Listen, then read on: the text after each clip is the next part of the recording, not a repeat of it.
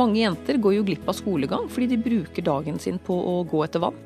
De har liten sjanse til å gjøre lekser f.eks. For, eksempel, for de, de, få som også er på skolen, de, de, har jo ikke da tid til å gjøre lekser når de kommer hjem. For de må jo løpe av gårde og hente vann gjerne i flere runder i løpet av en dag. Så de går på en måte i stykker livene sine. Ja, det er nå det skjer. At du og jeg kan gjøre en forskjell for disse barna som lider. Vann forandrer alt, er motto for årets TV-aksjon, som går av stabelen i dag. Men her hjemme fins det også barn som ikke har det bra fordi de har opplevd noe som gjør vondt. Men det er én ting som nesten alltid hjelper.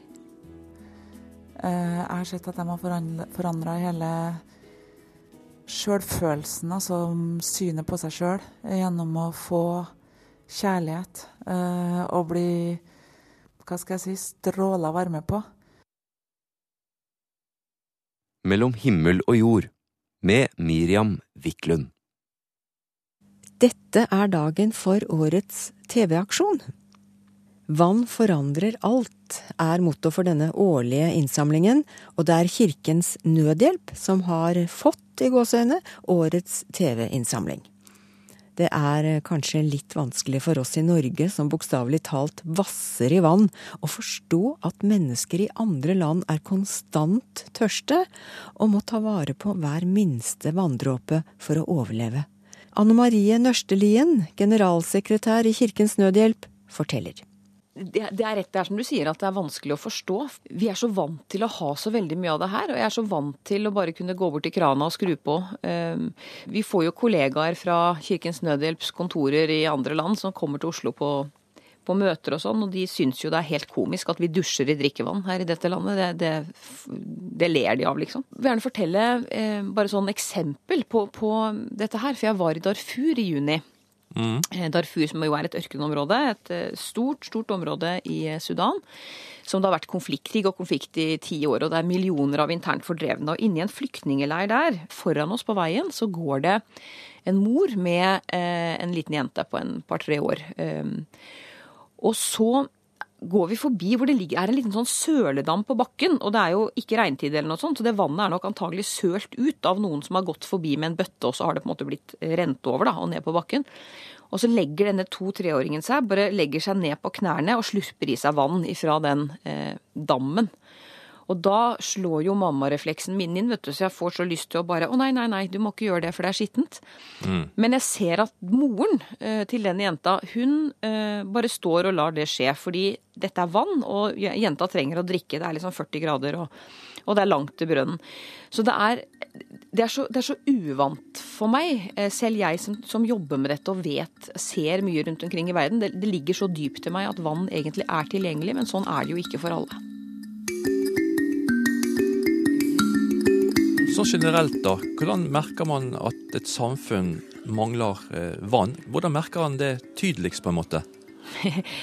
Eh, at kvinner og jenter ikke er til stede. Hvis man går rundt i, i en by litt sånn eh, enten tidlig om morgenen eller sent på ettermiddagen eh, i en landsby, så vil man se at kvinner og jenter ofte ikke er der. Eh, og når vi kjører langs eh, veiene, så ser man veldig fort når man kommer til en brønn, fordi at der står det sånne gule jerrykanner, plastikkanner, i lange, lange køer ofte foran brønnene. Eh, for da, og der finner man kvinner og barn samlet, da.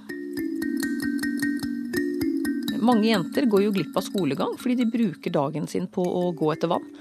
Um, og de, får, de, har liten sjanse til å gjøre lekser, f.eks. For, eksempel, for de, de, få som også er på skolen, de, de, de, har jo ikke da tid til å gjøre lekser når de kommer hjem. For de må jo løpe av gårde og hente vann gjerne i flere runder i løpet av en dag.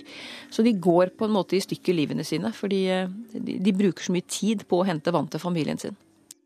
Men hvordan kan en sånn type TV-aksjon og, og, penger eh, gjøre at de eh, slipper å gå? Hvordan skal den vannet bli tilgjengelig på en annen måte? Mm.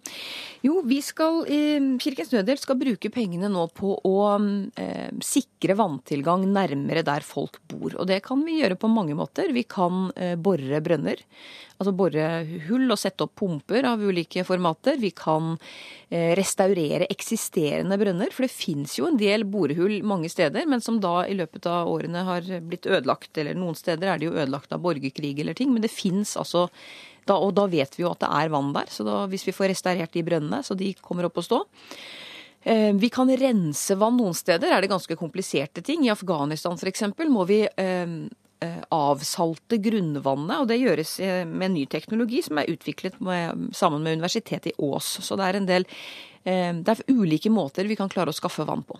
Jeg regner med at det er lagt en plan for hvordan man skal få gjort disse tingene? Absolutt. Vi har jo så heldige i Kirkens Nødhjelp at vi jobber med lokale partnerorganisasjoner så vi har jo gjort en veldig kartlegging eh, før TV-aksjonen eh, for å finne ut nøyaktig hvor mange mennesker vi kan klare å nå. Og på hvor, hvilke steder disse brønnene skal ligge, og hva det vil koste, og hvor dypt vi må bore. Og det er mange ting som må gjøres. Men eh, det varierer jo stort. Noen steder er det jo veldig enkelt. Veldig enkelt å finne vann, fordi grunnvannet ligger en 10-15 meter under bakken, og det er bare å bore ned, og dette er relativt eh, greit å få opp. Andre steder er det mye mer komplisert. Eh, det varierer. Du, hvis vi slår på nyhetene om dagen så, og den siste tiden, så har sendingene vært veldig preget av eh, denne ebolasykdommen mm. og denne frykten for spredning. da. Har det noe med vann å gjøre, tror du? Ja, altså ikke spredningen, men eh, det viser jo, altså Ebola er jo en forferdelig epidemi. Det er jo grusomt for de områdene som er rammet. Um, og jeg tenker at dette viser jo nettopp også hvor viktig det er med forebyggende helsearbeid. Og vi vet jo mye om hvordan helseklinikker i Afrika ser ut. Og i disse områdene, Sierra Leone som for eksempel, som er svært fattig, så er det jo mange mange helseklinikker og fødeklinikker og sånn som ikke har tilgang på rent vann. Og det betyr at deres løpende Altså hygiene, hvordan de klarer å holde seg rene for å unngå smitte av alle typer, er jo eh, krevende. Sånn at bare, bare den siden av det er jo veldig, veldig viktig. Eh, og så er det jo selvfølgelig det at folk blir syke av skittent vann. I Sierra Leone så dør det 4000 barn hvert år av diaré.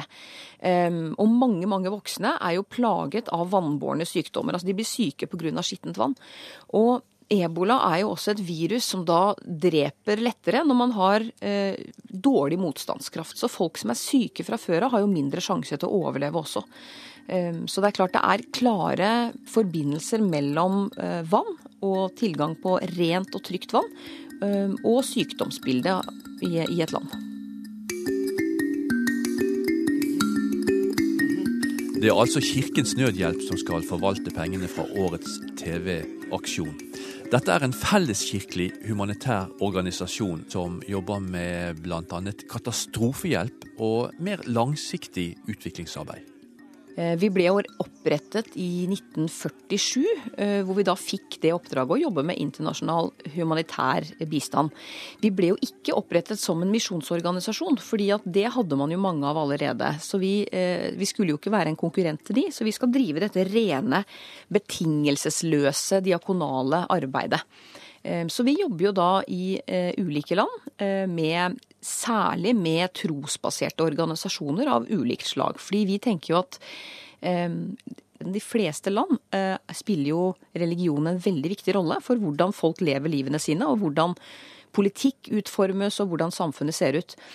Eh, la oss ta Mali som eksempel, f.eks. i Vest-Afrika, som jo vi har jobbet i 30 år og har veldig lange og gode tradisjoner og veldig tett nettverk med muslimske både ledere og det generelle befolkningen.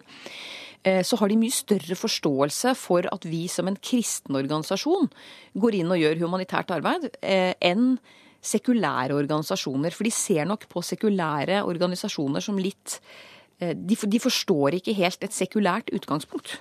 Så der mener vi at opplever vi veldig sterkt at vi har en, en fordel. Så for oss er det jo viktig denne betingelsesløse nestekjærligheten. Altså det at vi skal ikke sette noen krav til at folk skal tro eller mene det ene eller det andre. Eh, vårt oppdrag er jo å beskytte menneskelig verdighet. Det er det som står i sentrum hos Kirkens Nødhjelp.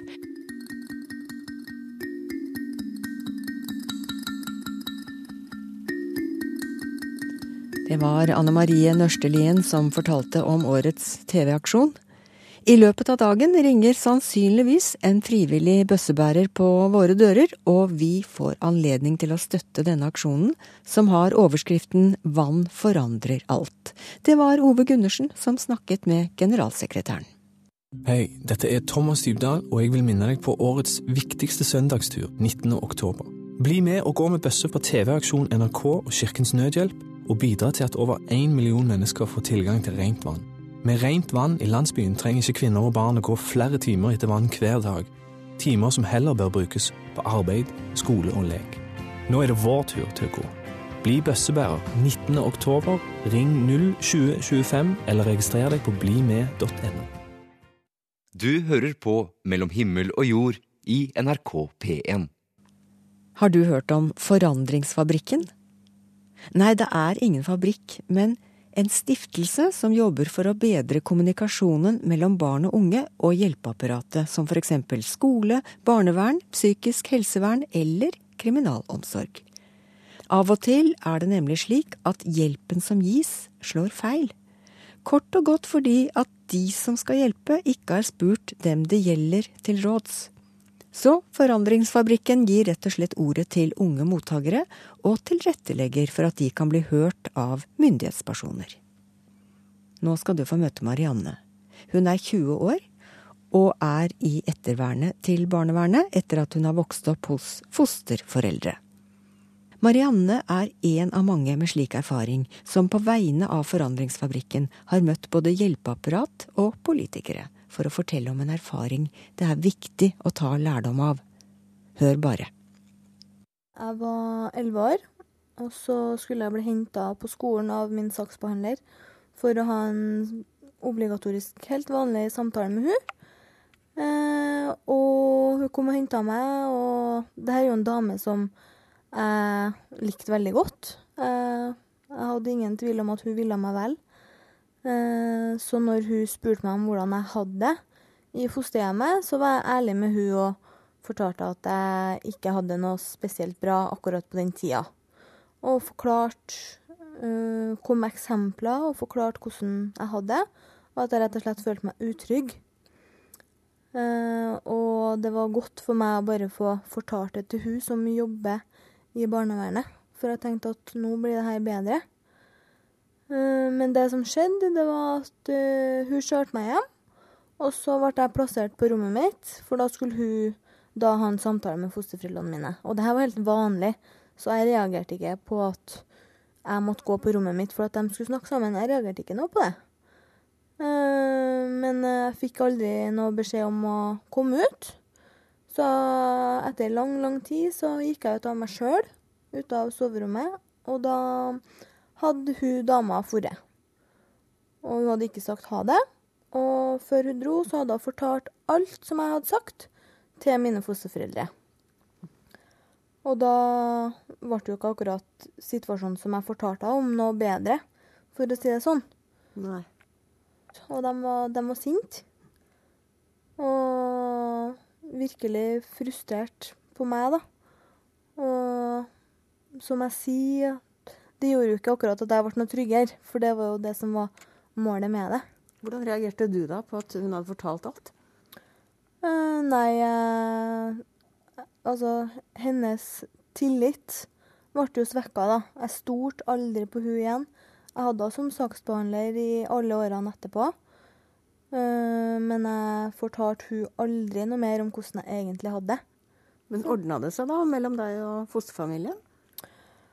Uh, I dagene etterpå så var det veldig dårlig stemning, det husker jeg. For de var veldig sinte på det som jeg hadde sagt.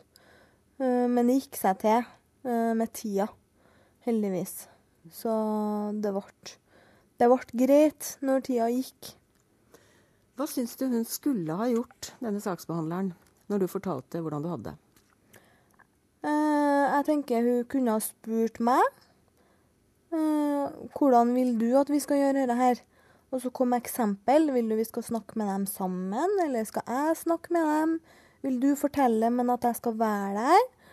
Uh, rett og slett gi meg et valg, og høre hva jeg tenker. Og det å forberede meg på hvordan de kan reagere. Bare det å spørre meg hvordan tror du de reagerer. For da har nok jeg kommet til å sagt at jeg tror de blir sinte, hvis de får høre det.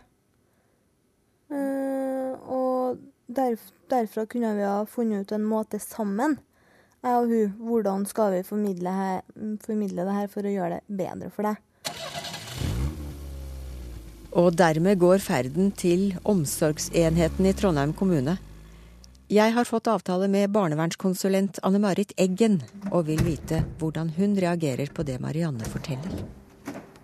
Det er helt sikkert riktig, sånn hun beskriver det. Og dessverre så har ikke barnevernet vært gode nok til å snakke med unger.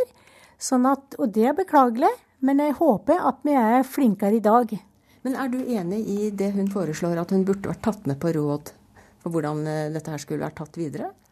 Ja, helt klart. Hun burde ha vært eh, til mer på alvor i forhold til å både få informasjon om hva som ble sagt videre, og hvordan det skulle sies videre.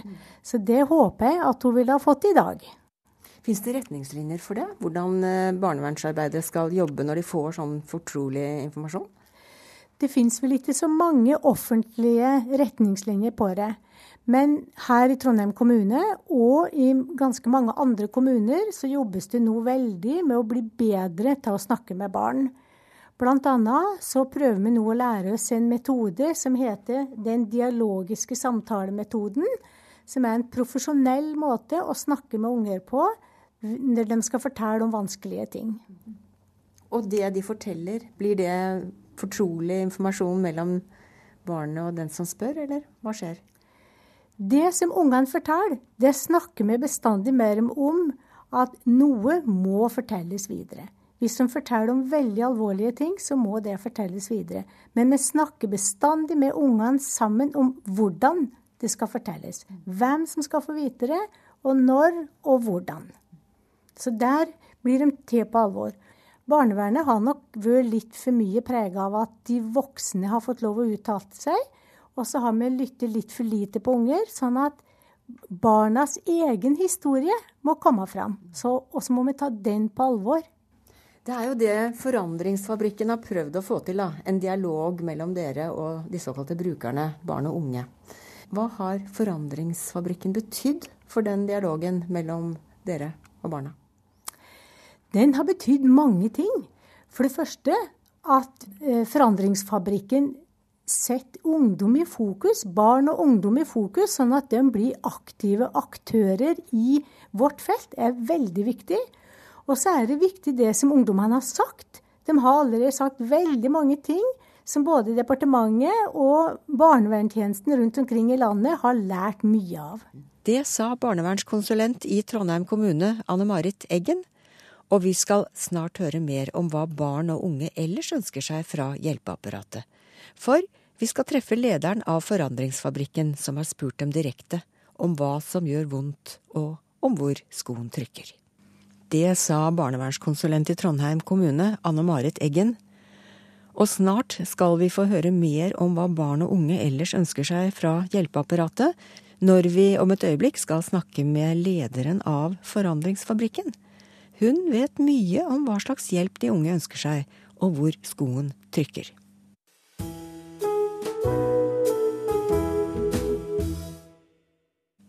Nå skal vi som lovet snakke litt mer om Forandringsfabrikken, som har eksistert i ti år og vært en viktig bidragsyter for å bedre kommunikasjonen mellom unge som får hjelp, og hjelpeapparatet. Marit Sanner er leder av denne stiftelsen, hun er antropolog og har lært seg å stille spørsmål som går rett på sak. Hva gjør vondt, og hvordan kan vi hjelpe? Så gjøres det avtaler med politikere og hjelpeapparat, slik at de unge blir hørt og kan komme med direkte innspill til forbedringer. Eh, da vi starta å treffe unge i barnevernet, så uh, hørte vi ganske fort at de begynte å snakke om uh, veldig dype ting. De begynte å snakke om, de begynte å spørre etter hva slags verdier bygger barnevernet på, egentlig. Hva, hva, er, hva er, liksom barnesynet til barnevernet? Fordi at de stussa på mye av den praksisen som de hadde møtt. De, de sa f.eks.: eh, Barnevernet jobber ikke etter verdien kjærlighet. Eh, det er ikke varmt nok, det systemet her, hvis vi skal tørre å stole på eh, voksne her generelt, da, sant? på mange forskjellige voksne i barnevernet, så må det være varmere. Vi må kjenne kjærlighet, for det er helt grunnleggende for at vi skal kunne snakke ærlig med dem. Og det hørte jo vi fort at det er et veldig alvorlig svar. fordi hvis, hvis, det er sånn at barn i mange situasjoner, slett ikke alltid, men i mange situasjoner, ikke kan dele sannheten sin, da, beskrivelsen av hvordan de har det sant, til barnevernet, så bygger jo veldig mange tiltak på feil svar.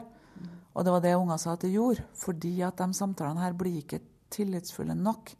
Systemet har noen grunnleggende feil. Eh, så det er et eksempel. Det finnes mange, mange barnevernsarbeidere som har lyst til å gi unger kjærlighet, og mest sannsynlig er det derfor veldig mange av dem starta der. Så det er i hvert fall ikke det det står på. Eh, men så går de på utdanning, og de kommer inn i systemer der de eh, blir eh, kraftig gjort klar over at det er noe som heter profesjonalitet. Og den profesjonaliteten der, den eh, har vi funnet ut etter hvert at den inneholder i hvert fall ikke ordet kjærlighet. Eh, den inneholder omsorg og vennlighet og, og, mange ord som er gode ord, men det blir noe annet, sier barna. Fordi at det er ikke varmt nok. Og, det, og de klarer å beskrive ganske godt at profesjonalitet kan gjøres kaldt. Det kan gjøres uh, i avstand. Det kan gjøres uh, på måter som gjør at det ikke blir trygt. Og det som er så fantastisk, er at de klarer å beskrive at det er faktisk den tryggheten der da, uh, som blir den mangelen. Og den kommer med kjærlighet. At de kjenner at barnevernsarbeiderne bryr seg helt eh, ifra varmen i hjertet sitt. Hvordan kan man lære kjærlighet, da? Eh, det ungdommene sier, det er at eh, det her eh, har fagfolkene inni seg. De er helt sikre på at de, blir, at, at de møter medmennesker som bare de får lov å ta i bruk den krafta, den kjærlighetskrafta som, som jeg tror alle barn i Norge tror at alle mennesker er født med, for de kjenner jo den inni seg sjøl. Eh, så så gi fagfolk lov til det. Eh, og gi fagfolk lov til å bry seg og bli glad i. Og det som er veldig vidunderlig, er jo når de står og forklarer til voksne at de tror det er sånn at hvis voksne gir kjærlighet til barn og unge i de forskjellige systemene, så kommer de til å få mye kjærlighet tilbake. Hvordan, hvordan reagerer eh, fagfolk når de hører dette her? Eh, litt forskjellig. Fra helt sånn å ja, å det er så fint at dere sier det her høyt, eh, til dem som på en måte liksom tar hendene på hodet og sier sånn, tar hendene foran øynene eller i hodet og sier sånn åh, det her er så opplagt. Det her skulle vi jo nesten ha protestert på sjøl, at det ikke er tydeligere del av det vi, det vi står for eh, som system. Eh, til at det her passer ikke inn i det som er profesjonalitet. Det her kan ikke være bra for barn, eller det her greier vi ikke som voksne å gi til andre enn dem som er i vår familie. Fins det flere sånne kjernebegreper? Nå har du nevnt kjærlighet. Er det andre sånne begreper som er sentrale når unger skal eh, bli forstått? Altså det veldig mange eh, barn og unger snakker om, er at eh, de her hjelpesystemene bruker for mange vanskelige ord. Eh, det blir ord som, som lager avstand. Og det, de har nok skjønt at dette er ord de har lært på skolen. På sin utdanning, da. For eksempel?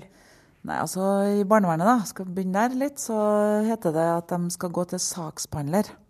Og så sier barna men du vet en sak. Vet dere hvordan det kjennes å være en sak?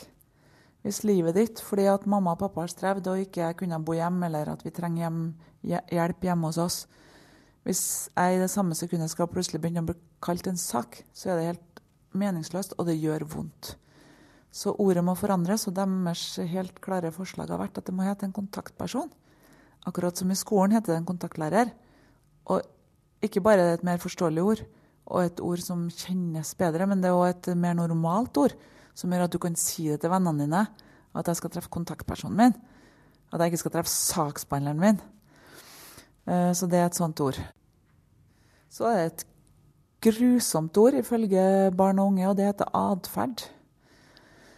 Det ordet er så stemplende, det er så stigmatiserende, og det er så overfladisk ifølge barn og unge som får hjelp. Altså det er så, for det første putter de hele problemet på ungen.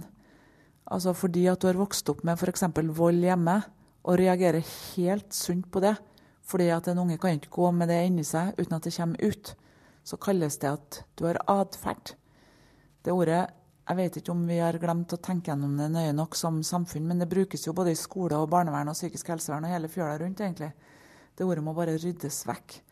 Det er vondt, det er stigmatiserende stemplende, og det, det, du kan ikke snakke sånn om barn, sier, unge, barn og unge da. De sier at uh, vi må innafor der, i stedet for å se på de ytre Se på språket, da, for atferd er bare et språk. Istedenfor å se på de uttrykkene, så må, det, så må voksne spørre hvorfor. Hvorfor uh, gjør du sånn? Hvorfor, uh, hvorfor skjer det her? Hva, hva kjenner, hvor kommer det fra inni deg? Man må stille mange sånne forskjellige spørsmål som gjør at man kommer inn til rota av det, det som i dag kalles atferd handler om. Og det er veldig viktig. Jeg tror det der er, I tillegg til kjærlighet, så tror jeg det der er kanskje det alvorligste de kan uh, hjelpe oss med å rette opp i. Så atferdsvansker, det må vekk? Det må, det må vekk. Uh, det må inn til å jobbes med det som gjør vondt inni barn. Da må man skrive om ganske mye faglitteratur, da? Det må man, og man må skrive om barnevernsloven. Det skal heldigvis gjøres nå. Unge med atferdsvansker er uh, for overfladisk. Uh, Atferdsvansker er en måte å uttrykke det som gjør vondt inni kroppen. Det er ingen, det er ingen barn og unge som har atferdsvansker fordi at de vil det. Det må være et barnevern som sjøl er nysgjerrig på Oi, hva syns ungene som vi hjelper i barnevernet her, om den hjelpa vi gir dem? Når systemet tenker sånn, Oi, vi, vi må vite hva ungene her tenker om den hjelpa vi gir. Eller en BUP må vite og være veldig nysgjerrig på det. Og da blir det tryggere for barn. Og da tror jeg det blir mye gøyere for voksne å jobbe der. Og det er jo det vi ser i, i en del av det arbeidet vi gjør. Tilbakemeldingene nå på, på, det utviklingsarbeidet i barnevernet er at voksne sier at det, har blitt gøyere å gå på jobb. Fordi at vi jobber tettere på de ungene vi skal hjelpe. Og de vil jo det. Det vil jo de fleste som skal hjelpe barn og unge. Jobbe. Altså, det er jo grunnen til at de er der. Det sier Marit Sanner, leder av Forandringsfabrikken. Da deler av barnevernsloven ble justert i 2013, så lå innspillene fra de unge brukerne på bordet, og håpet er at det også vil skje når hele barnevernsloven skal gjennomgås i nær framtid. Og hvis du vil vite mer om Forandringsfabrikken, ja da finner du dem med egen side på Facebook. Mellom himmel og jord i NRK P1. Da lakker og lir det, som det heter. Husk at vi alltid setter pris på å høre fra deg, om du vil ta deg tid til å sende oss noen ord med tanker eller tips. Da er e-postadressen himmel og jord i ett ord krøllalfa nrk.no.